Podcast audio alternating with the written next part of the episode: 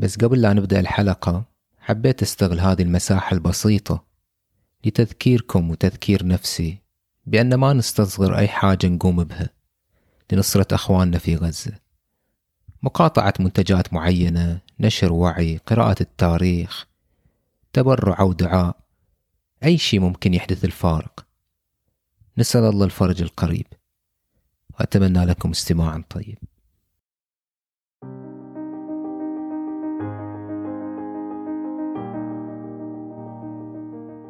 سلام. حياكم الله في بودكاست بشر. راح نفتح مع بعض نافذة نطل منها على قصص وتجارب البشر في عالم الطب والصحة حتى نفهمهم بشكل أفضل.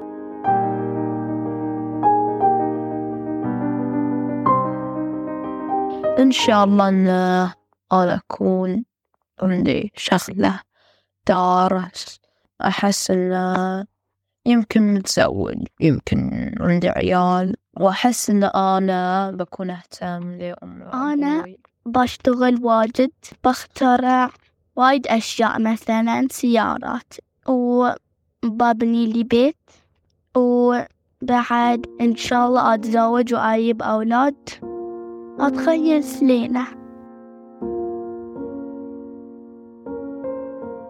هي مرحلة مبكرة. هذه اللي نبدأ فيها برسم صورنا المستقبلية. نتخيل شكلنا اللي راح نكون عليه بعد عشرين ثلاثين سنة.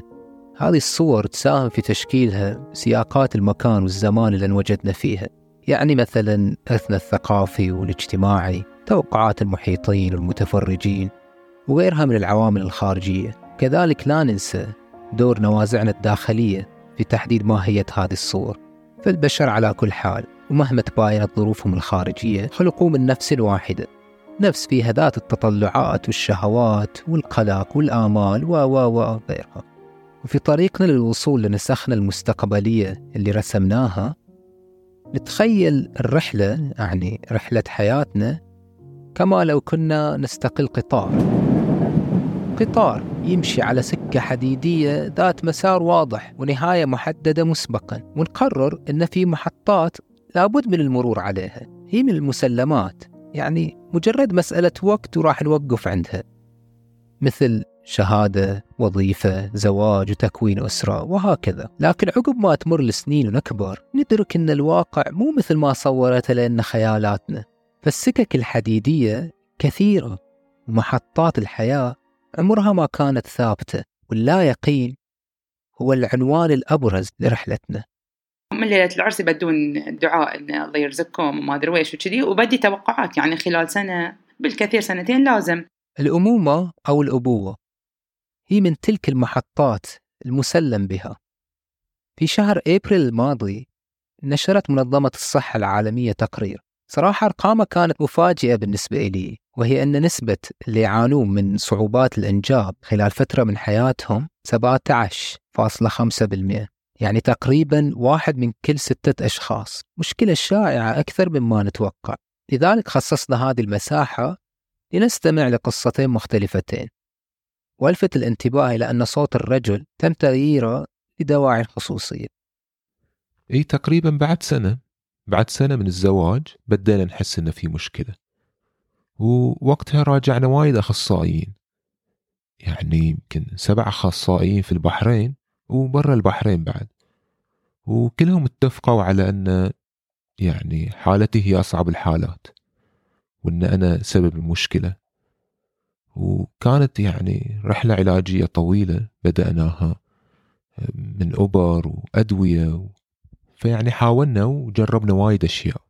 جاء اليوم اللي خلاص يعني شفنا الوقت المناسب شيء يعني رغبة ملحة صارت في قلبي يعني مرة واحدة. وطبعا بدينا من محاولات كنا ناخذ فيتامينات كنا نسوي whatever ممكن يزيد الاحتمالية وما كان يحصل. الحمد لله جسمي طبيعي ما قد عانيت من شيء ليش ما أحمل طبيعي؟ يعني كنت أحس إنه ما في سبب يخليني ما أحمل طبيعي. يعني وزوجي بالمثل ما يعاني من شيء ليش يعني ما قاعدين نحمل طبيعي؟ أبي أفهم جسمي وش فيه؟ وش مشكلته؟ التشخيص كان هو العلة يعني ما كان في تشخيص كنت أشوف صحيح. يعني ليه اليوم إذا بتقول لي المشكلة في مين؟ أنا حقيقة ما أدري. موضوع صعوبات الإنجاب من المواضيع المركبة وأحيانا يكون أعقد مما نتصور. وموضوع يلمس نقاط حساسة عند الإنسان مثل علاقته بجسده وكيف يشوفه عاجز عن القيام بما صمم لأجله. بعد يخليه يتساءل حيال دوره في الحياة وكيف ممكن يكون في ظل غياب دور الوالدية عنه. وأخيرا ممكن يأجج قلق الوجود قبال فكرة الموت والفناء فالذرية والخلفة تسكن من هذا القلق إلى حد ما. وزكريا إذ نادى ربه رب لا تذرني فردا وأنت خير الوارثين. رحلة العلاج تتباين في صعوبتها وتتفاوت مدتها وكل زوجين لهم تجربتهم وتحدياتهم الخاصة. تحديات قد تتعلق بالعلاقة الزوجية ووضعهم الاجتماعي. ولا ننسى بعد الأمور المرتبطة بالعلاج نفسه عن التكاليف الباهظة جسديا ونفسيا وماديا. عن نفسي ما كنت من البداية متحمس للعلاج. كنت أقول إذا الله رزقنا فله الحمد والشكر. وإذا ما بيرزقنا فما في داعي للمرمطة في العيادات وصرف الفلوس. لكني استجبت للخضوع للعلاج وعندي أسباب يعني. أول شيء العمل بالأسباب. وثاني شيء وفاء لزوجتي. وعلشان ما أكون سبب في حرمانها من الذرية. يعني ما بيها تحس إني مو مهتم بمشاعرها ورغبتها بالعيال. والسبب الثالث ولا في نظري هو الأهم يعني ولا أكثر شيء ممكن يكون يلعب دور في قرارنا هو أمي وعمتي. كان هذا أصعب شيء وهو الضغط النفسي علشان مشاعر أمي ومشاعر أم زوجتي ورغبتهم في أن يشوفون أحفاد. وتعرف يعني هالشيء يتضاعف مع مرور الوقت. وأمي وعمتي كانوا يمرون بظروف صعبة وهالشي خلانا أنا وزوجتي نحاول أكثر يعني بس نبي نفرحهم. يعني شفنا إن الموضوع طول والضغط صار كبير علينا يعني خلاص. حقيقة كل اللي في عمري صار عندهم أولاد. بعضهم أزيد من ولد. واللي أصغر مني بسنين يعني إلى أصغر مني بست سنوات صار عندهم أولاد. في العائلة اللي حواليني صرت أنا الوحيدة تقريبا اللي لحين يعني ما ما حملت. فهني صار الضغط يعني هذا لين اللي سببوا لي ضغط. كانوا محبين بس أساءوا التعبير. كان في أشخاص فعلا مزعجين يعني آه، مثلا أحد الأشخاص من الأهل كانت من تشوفني تعطيني ضربه على بطني. متى بتجيبين بيبي؟ يعني كان يألمني وكان يحرجني. وهي شخصية يعني مرحة. قعدت أقول يعني ما هي ما ما تدري وش العفسة اللي داخلي وش المشاعر والغفصة اللي داخلي. هي سوتها من باب محبة وعبالها يعني بتلطف الجو ما تدري إنه مزعج. وصلنا لمرحلة اللي فيها قرارات حاسمة. إن أني I have to take الأدوية اللي فيها هرمونز اللي بتسوي لي هرمونال امبالانس آه فبدأت وبدأ الجسم يعتفس والنفسية وكل شيء يعتفس. مرحلة جدا صعبة كانت لأن يعني ما عندي تجارب مع أدوية ولا شيء كذي من قبل. وزوجي كان بالنسبة لي أتشكى أصيح و... ويعني كذي متقلبة يعني أخترع مشاكل. وكانت هاي المحاولة أول شيء اللي هو زيادة تبويض ما جابت نتيجة. ردينا أيضا دواء آخر بعد ما جابت نتيجة. وقالت لي خلاص ننتقل إلى ال IUI وتشاورت ويا زوجي وقال خلاص توكلنا على الله يعني. بديت آخذ الأدوية وابر فترة صعبة صعبة صعبة. هاي الفترة تحديدا يعني صعبة على المرأة. هي ما تعرف إيش قاعد يصير في جسمها. كل شيء معفوس تحس روحها كلها مزاجها خراب كلها تبي منزعجة كلها لا بدها يعني شيء شعور مزعج. مع عدم نجاح الأدوية وعملية الآي يو آي أو التلقيح الصناعي قررت زينب التوجه لخيار أطفال الأنابيب لعل يثمر ويحقق ما عجزت عنه المحاولات السابقة. فقالت لي دكتور عندش خيارين. يا أما تنتقلين إلى IVF أطفال الأنابيب آه، أو يا أما نحارس يعني إلى الشهر الجاي أو بعد شهرين تردين تحاولين. يعني مع مشاعري دي كلها انه خلاص أني أبي أني كنت أحس روحي close عقب هذا الشيء الهرمونات ده اللي مريت فيه أنا خلاص لازم أحمل الحين. ف يعني خليت زوجي تحت ضغط وقلت خلاص اي في اف اي في اف يعني بروح. وما نجح بعد. يعني كان بالنسبة لي شيء مؤلم إنه ما نجحت هذه المحاولة. يعني الرغبة صارت الأكثر إلحاحا. من الواحد يبدي في علاج الإنجاب الرغبة تصير كل ما عليها كل ما يطوف الوقت تصير رغبة ملحة. أني أبي هذا الشيء يصير باكر. أبي أشوفه قدامي.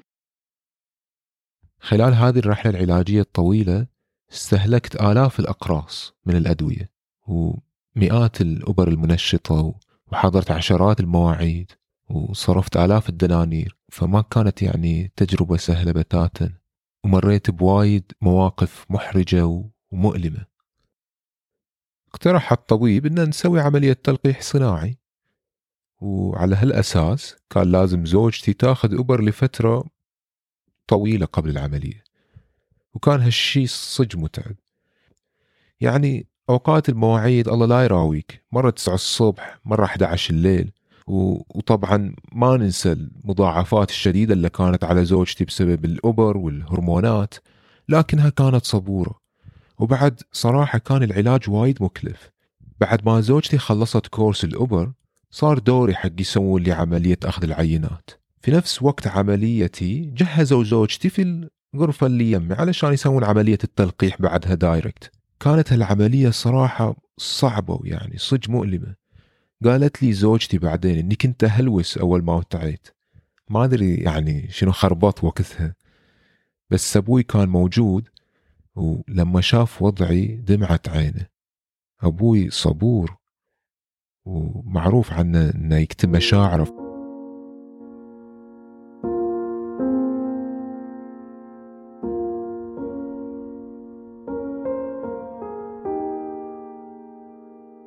في كتابة When Breath Becomes Air واللي يتناول فيه جراح الأعصاب بول كالنثي تجربته كمريض يحاول بول لفت نظر زملائه من الأطباء إلى نقطة لربما يغفلون عنها وهي أن عليهم استشعار أهمية تلك اللحظة. لحظة أخبار مرضاهم بالنتائج الغير جيدة أو عندما لا تسير الأمور كما كان مخططا لها. صحيح هو حدث متكرر للطبيب أمر قد يكون اعتاد عليه. لكن بالنسبة للمريض وأهل المريض هو حدث مفصلي في حياتهم وراح يبقى عالق في أذهانهم لما تبقى من عمرهم. فإما أن تكون كلمات الطبيب بلسم في كل مرة يتذكرونه يعني يتذكرون الحدث هذا أو أن تكون كلماته مصدرا آخرا لمعاناتهم. لكن أصعب موقف اللي لا أنا ولا زوجتي بننساه كان مع الدكتور نفسه. راح لزوجتي في غرفة العمليات تخيل؟ وهي تنتظر. وقال لها بكل برود قومي يا ستي ما شفناش حاجة عند زوجك. يعني ما حصلوا حيوانات منوية. هذا الموقف البارد والمستهتر منه هذا الطبيب ترك جرح عميق في نفسها ما تنساه لهاللحظة. أعتقد يعني ما كان المفروض زوجتي تمر بهالبهدلة كلها بدون ما يكون علي أول. وبعد طريقة الدكتور وهو يقول لها النتيجة كانت وقحة جدا وهي للحين بثياب العملية. كلش مو عدلة دكتورة آه، كانت إنسانة بمعنى الكلمة. فعلا إنسانة يعني تسمع تتفهم تعرف يعني لما تسمع المريضة تحس فيها وتسمع للزوج وعندها حس كوميدي يعني خفيفة الدم صراحة. يعني قد ما الواحد يجيها متألم مر بتجربة وما أدري شنو ويحس روحه hopeless و helpless ما يعني ما عنده أمل ولا عنده خيارات وكذي. هي أسلوبها وتعاملها جدا رائع صراحة يعني يخلي الإنسان يطلع منها منتعش وعنده أمل.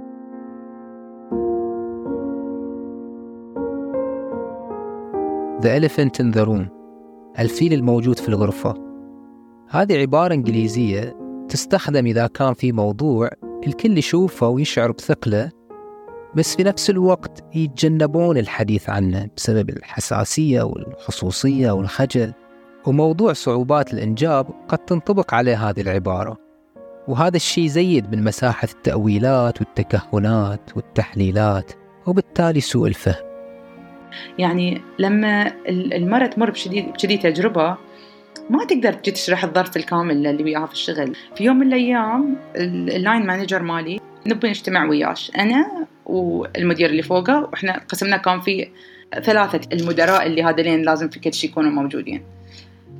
كنت في كلش يعني وضع مزعج مزعج يعني جدا إن أني الحين بقعد في مكتب حواليني ثلاث رجال ينتظروني أشرح لهم آه، ظرفي الصحي. اللي مو شيء مريح أجي أتحكى عنه. بس قعدت في المكتب يعني حسيت روحي انحصرت في زاوية يعني مضطرة أتكلم.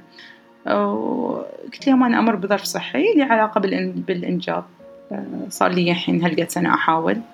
يعني هذا مو موضوع أحب أتكلم فيه خصوصا مع رجال.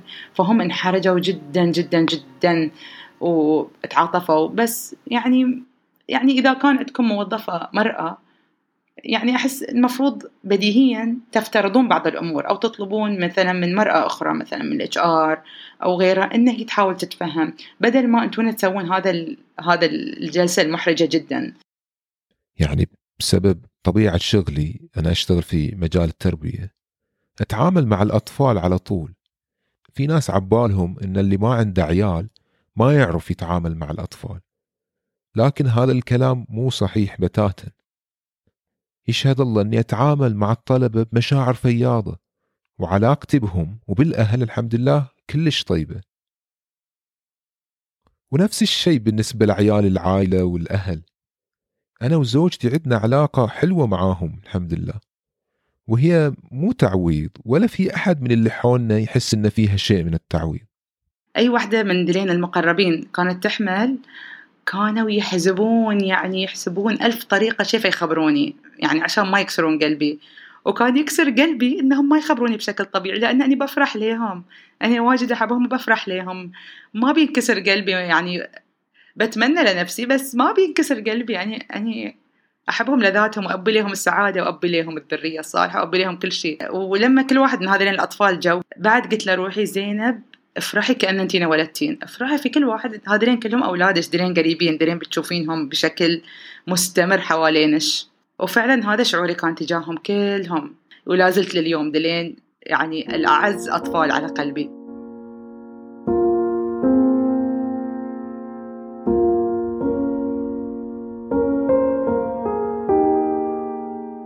بالعودة إلى البداية وبالحديث عن طابع اللا يقين اللي تتسم برحلتنا في الحياة وعن الاحتمالات اللامتناهية اللي ممكن أن تنتهي عليها قصصنا يحاول الإنسان البحث عن فلسفة فلسفة تكون بمثابة العصات اللي يتكئ عليها أمام رياح المجهول وما يتبعها من انقلاب في أحواله. والإيمان ضمن إليه هذه الأرضية اللي تحافظ على اتزان العقلي والنفسي. أكثر شيء يخفف علي وما يحسسني أن الموضوع له ثقل هو حقيقة انسجامنا أنا وزوجتي. وأن إحنا على نفس الصفحة. يعني بالمقارنة أعرف حالات من معارفنا يعني صار فيها طلاق. لأن الزوجة مثلا ما قدرت تتحمل الحياة بدون عيال. أما إحنا اللي حولنا يعتبرونا مثال نموذجي بسبب تعاملنا مع الموضوع. يعني إحنا عايشين حياتنا والحمد لله مرتاحين ومستانسين. حتى أحيانا نضحك مع بعض يعني نقول الحمد لله أن ما عندنا ياهال لأن نحس روحنا خفاف بالنسبة للناس اللي حولنا. نروح وني على كيفنا ونسوي اللي نبيه بدون إزعاج. يعني ما في مسؤولية. طبعا غير عن مسؤوليتنا اتجاه آه، أهلنا لكن أكيد يعني المسؤولية التربية مختلفة يعني. أنا أحمد ربي أنه امتحني في بلاء يعتبر سهل وهين بالنسبة حق غيره من الابتلاءات. أنا ما جربت ألم فقد الولد مثلا ولا جربت معاناة الأهل اللي عندهم أطفال آه، من ذوي الاحتياجات الخاصة الله يكون بعونهم ولا جربت تجربة عقوق الأبناء أو انحرافهم انحراف العيال أخلاقيا يعني. يعني أنا أعرف آباء شخصيا يعانون مع مشكلة العقوق ويتمنون لو ما صار عندهم يهال من الأساس. لما أشوف مثل هاي الحالات أقول الحمد لله اللي عافاني مما ابتلاهم به. يعني لو كنت محلهم هل كنت بقدر أتحمل؟ ما أعرف. إذا كنت بقدر أتحمل بس اللي أعرفه أن الله سبحانه وتعالى اختار لي الامتحان اللي يناسبني وأحس أني أبلي بلاء حسن. إن المتأمل في عبارات مثل إن ربي لطيف لما يشاء أو الخير فيما اختاره الله أو لعل الذي أبطى عني هو خير لي. وغيرها وغيرها من العبارات اللي على نفس الشاكلة. المتأمل فيها يهتدي إلى تلك الفلسفة فلسفة اللي تحيد كل النهايات وتجعلها في خانة واحدة. ففي نهاية المطاف كل ما يحدث هو بعين الله سبحانه وفق خطته وإرادته. وأتذكر في هذا السياق عبارة للسكندري في كتابه الحكم العطائية يقول فيها ربما أعطاك فمنعك وربما منعك فأعطاك. ومتى فتح لك باب الفهم في المنع؟ صار المنع عين العطاء. فأني إلى هني أحس انه سويت اللي علي. سويت اللي, من صوبي توكلت على الله وأخذت بالأسباب. رحت يعني تابعت مع كذا دكتور زوجي بعد ما قصر حافظت يعني على وزني وعلى أكلي وتابعت مع الدكاترة كنت أخذ مكملات رحت سويت IVF وبعدين رحت تعالجت شلت الألياف اللي في جسمي خلاص سويت كل اللي علي. الحين في إيد رب العالمين وخلاص. أنا ما بحط في جسمي أي أدوية زيادة أي هرمونات زيادة كفاية. هاي قرار خذيته. قعدت واجد أتأمل في أصلا فكرة الإنجاب وليش أنا أبي أنجب؟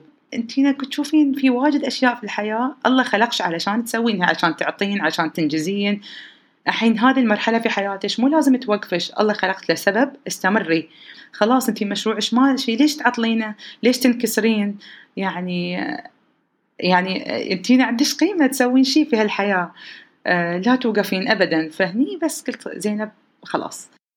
أحيانا يكون التخلي هو السبيل حق يستعيد الإنسان نفسه. في دراسة مثيرة للاهتمام أجرتها عالمة النفس الألمانية يوتا. أجرتها على مجموعة من النساء بلغوا منتصف العمر وما أنجبوا وكانوا يأملون بالإنجاب ويطمحون إليه بشدة. ومع اقترابهم من سن اليأس تزايدت عندهم أعراض القلق والاكتئاب لكن بعد حلول سن اليأس وتخليهم الكامل عن الأمل بالحمل اختفت أعراض الاكتئاب والقلق.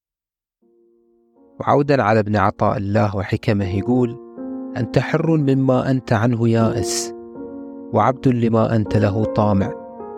وكذلك البحتري اللي وصف اليأس بأن إحدى الراحتين واليأس إحدى الراحتين ولن ترى تعبا كظن الخائب المكدود. يعني كنت مكملة الماجستير وقلت خلاص يعني يمكن هذه الفرصة السانحة إني أسوي الدكتوراه. فخلي أبدي فبديت في عمليه السيرش وبديت إن أدور موضوع أدور جامعات ومهنيا حطيت في بالي أكثر وكنت جدا مشغولة أرجع من الشغل ساعات ثمان أعطوني مشاريع كبيرة في الشغل.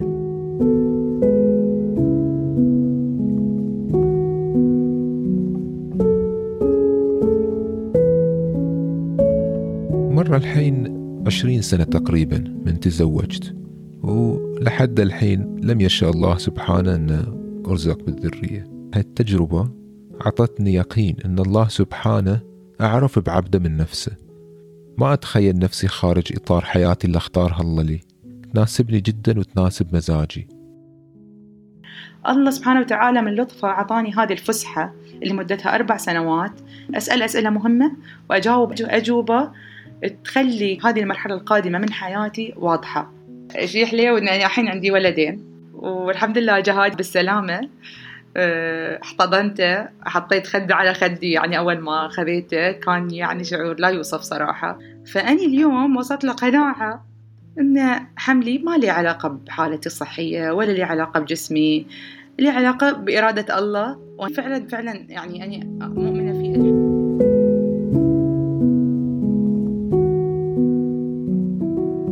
اقترح الكاتب والفيلسوف الإنجليزي ألان واتس تجربة ذهنية كفيلة بأن تغير نظرتنا تجاه مجهولية الغد. يقول تخيل أنك منحت القدرة على أن تحلم كل ليلة بالحلم اللي تبويه. كل ليلة تعيش عمر بأكمله 75 سنة من الولادة حتى الموت. وهذا الحلم تهندسه على كيفك كل تفاصيله. الوهلة الأولى بتقول أوف عجيب. وبتقرر تحقق كل أمانيك وبتعيش الحياة اللي خاطرك فيها وبتتميز في كل شيء. وبتضمن سعادتك وراحتك على الآخر. لكن بعد كم ليلة بيصيدك الضجر والسأم. وبتقول أوكي كانت تجربة حلوة لكن تمللت. خلني أجرب شيء مختلف. وأضيف عنصر المفاجأة في الحلم. خلني أفقد التحكم على فترة من هذا الحلم. وأشوف شنو يصير. وراح تعجبك المغامرة بس برد يصيدك الملل فبتزيد جانب اللا يقين في الحلم أكثر وأكثر ليلة بعد ليلة.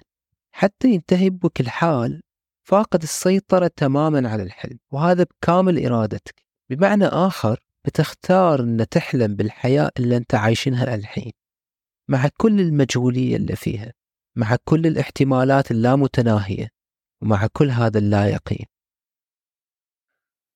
It's uncertainty, regardless of the outcome, that helps you discover the strength the resiliency, and the love you have inside. أقول وحده لا يقين بالغد يدفعنا للسعي والإقدام والاجتهاد. وفي رحلتنا هذه بكل ما تحويه من صعوبات والتواءات وعثرات تنمو قدراتنا ونتعرف على ذواتنا وتنصقل شخصياتنا. وحده لا يقين بالغد يبقينا على قيد الحياة. كان معكم محمد الوداعي. دمتم في خير وعافية.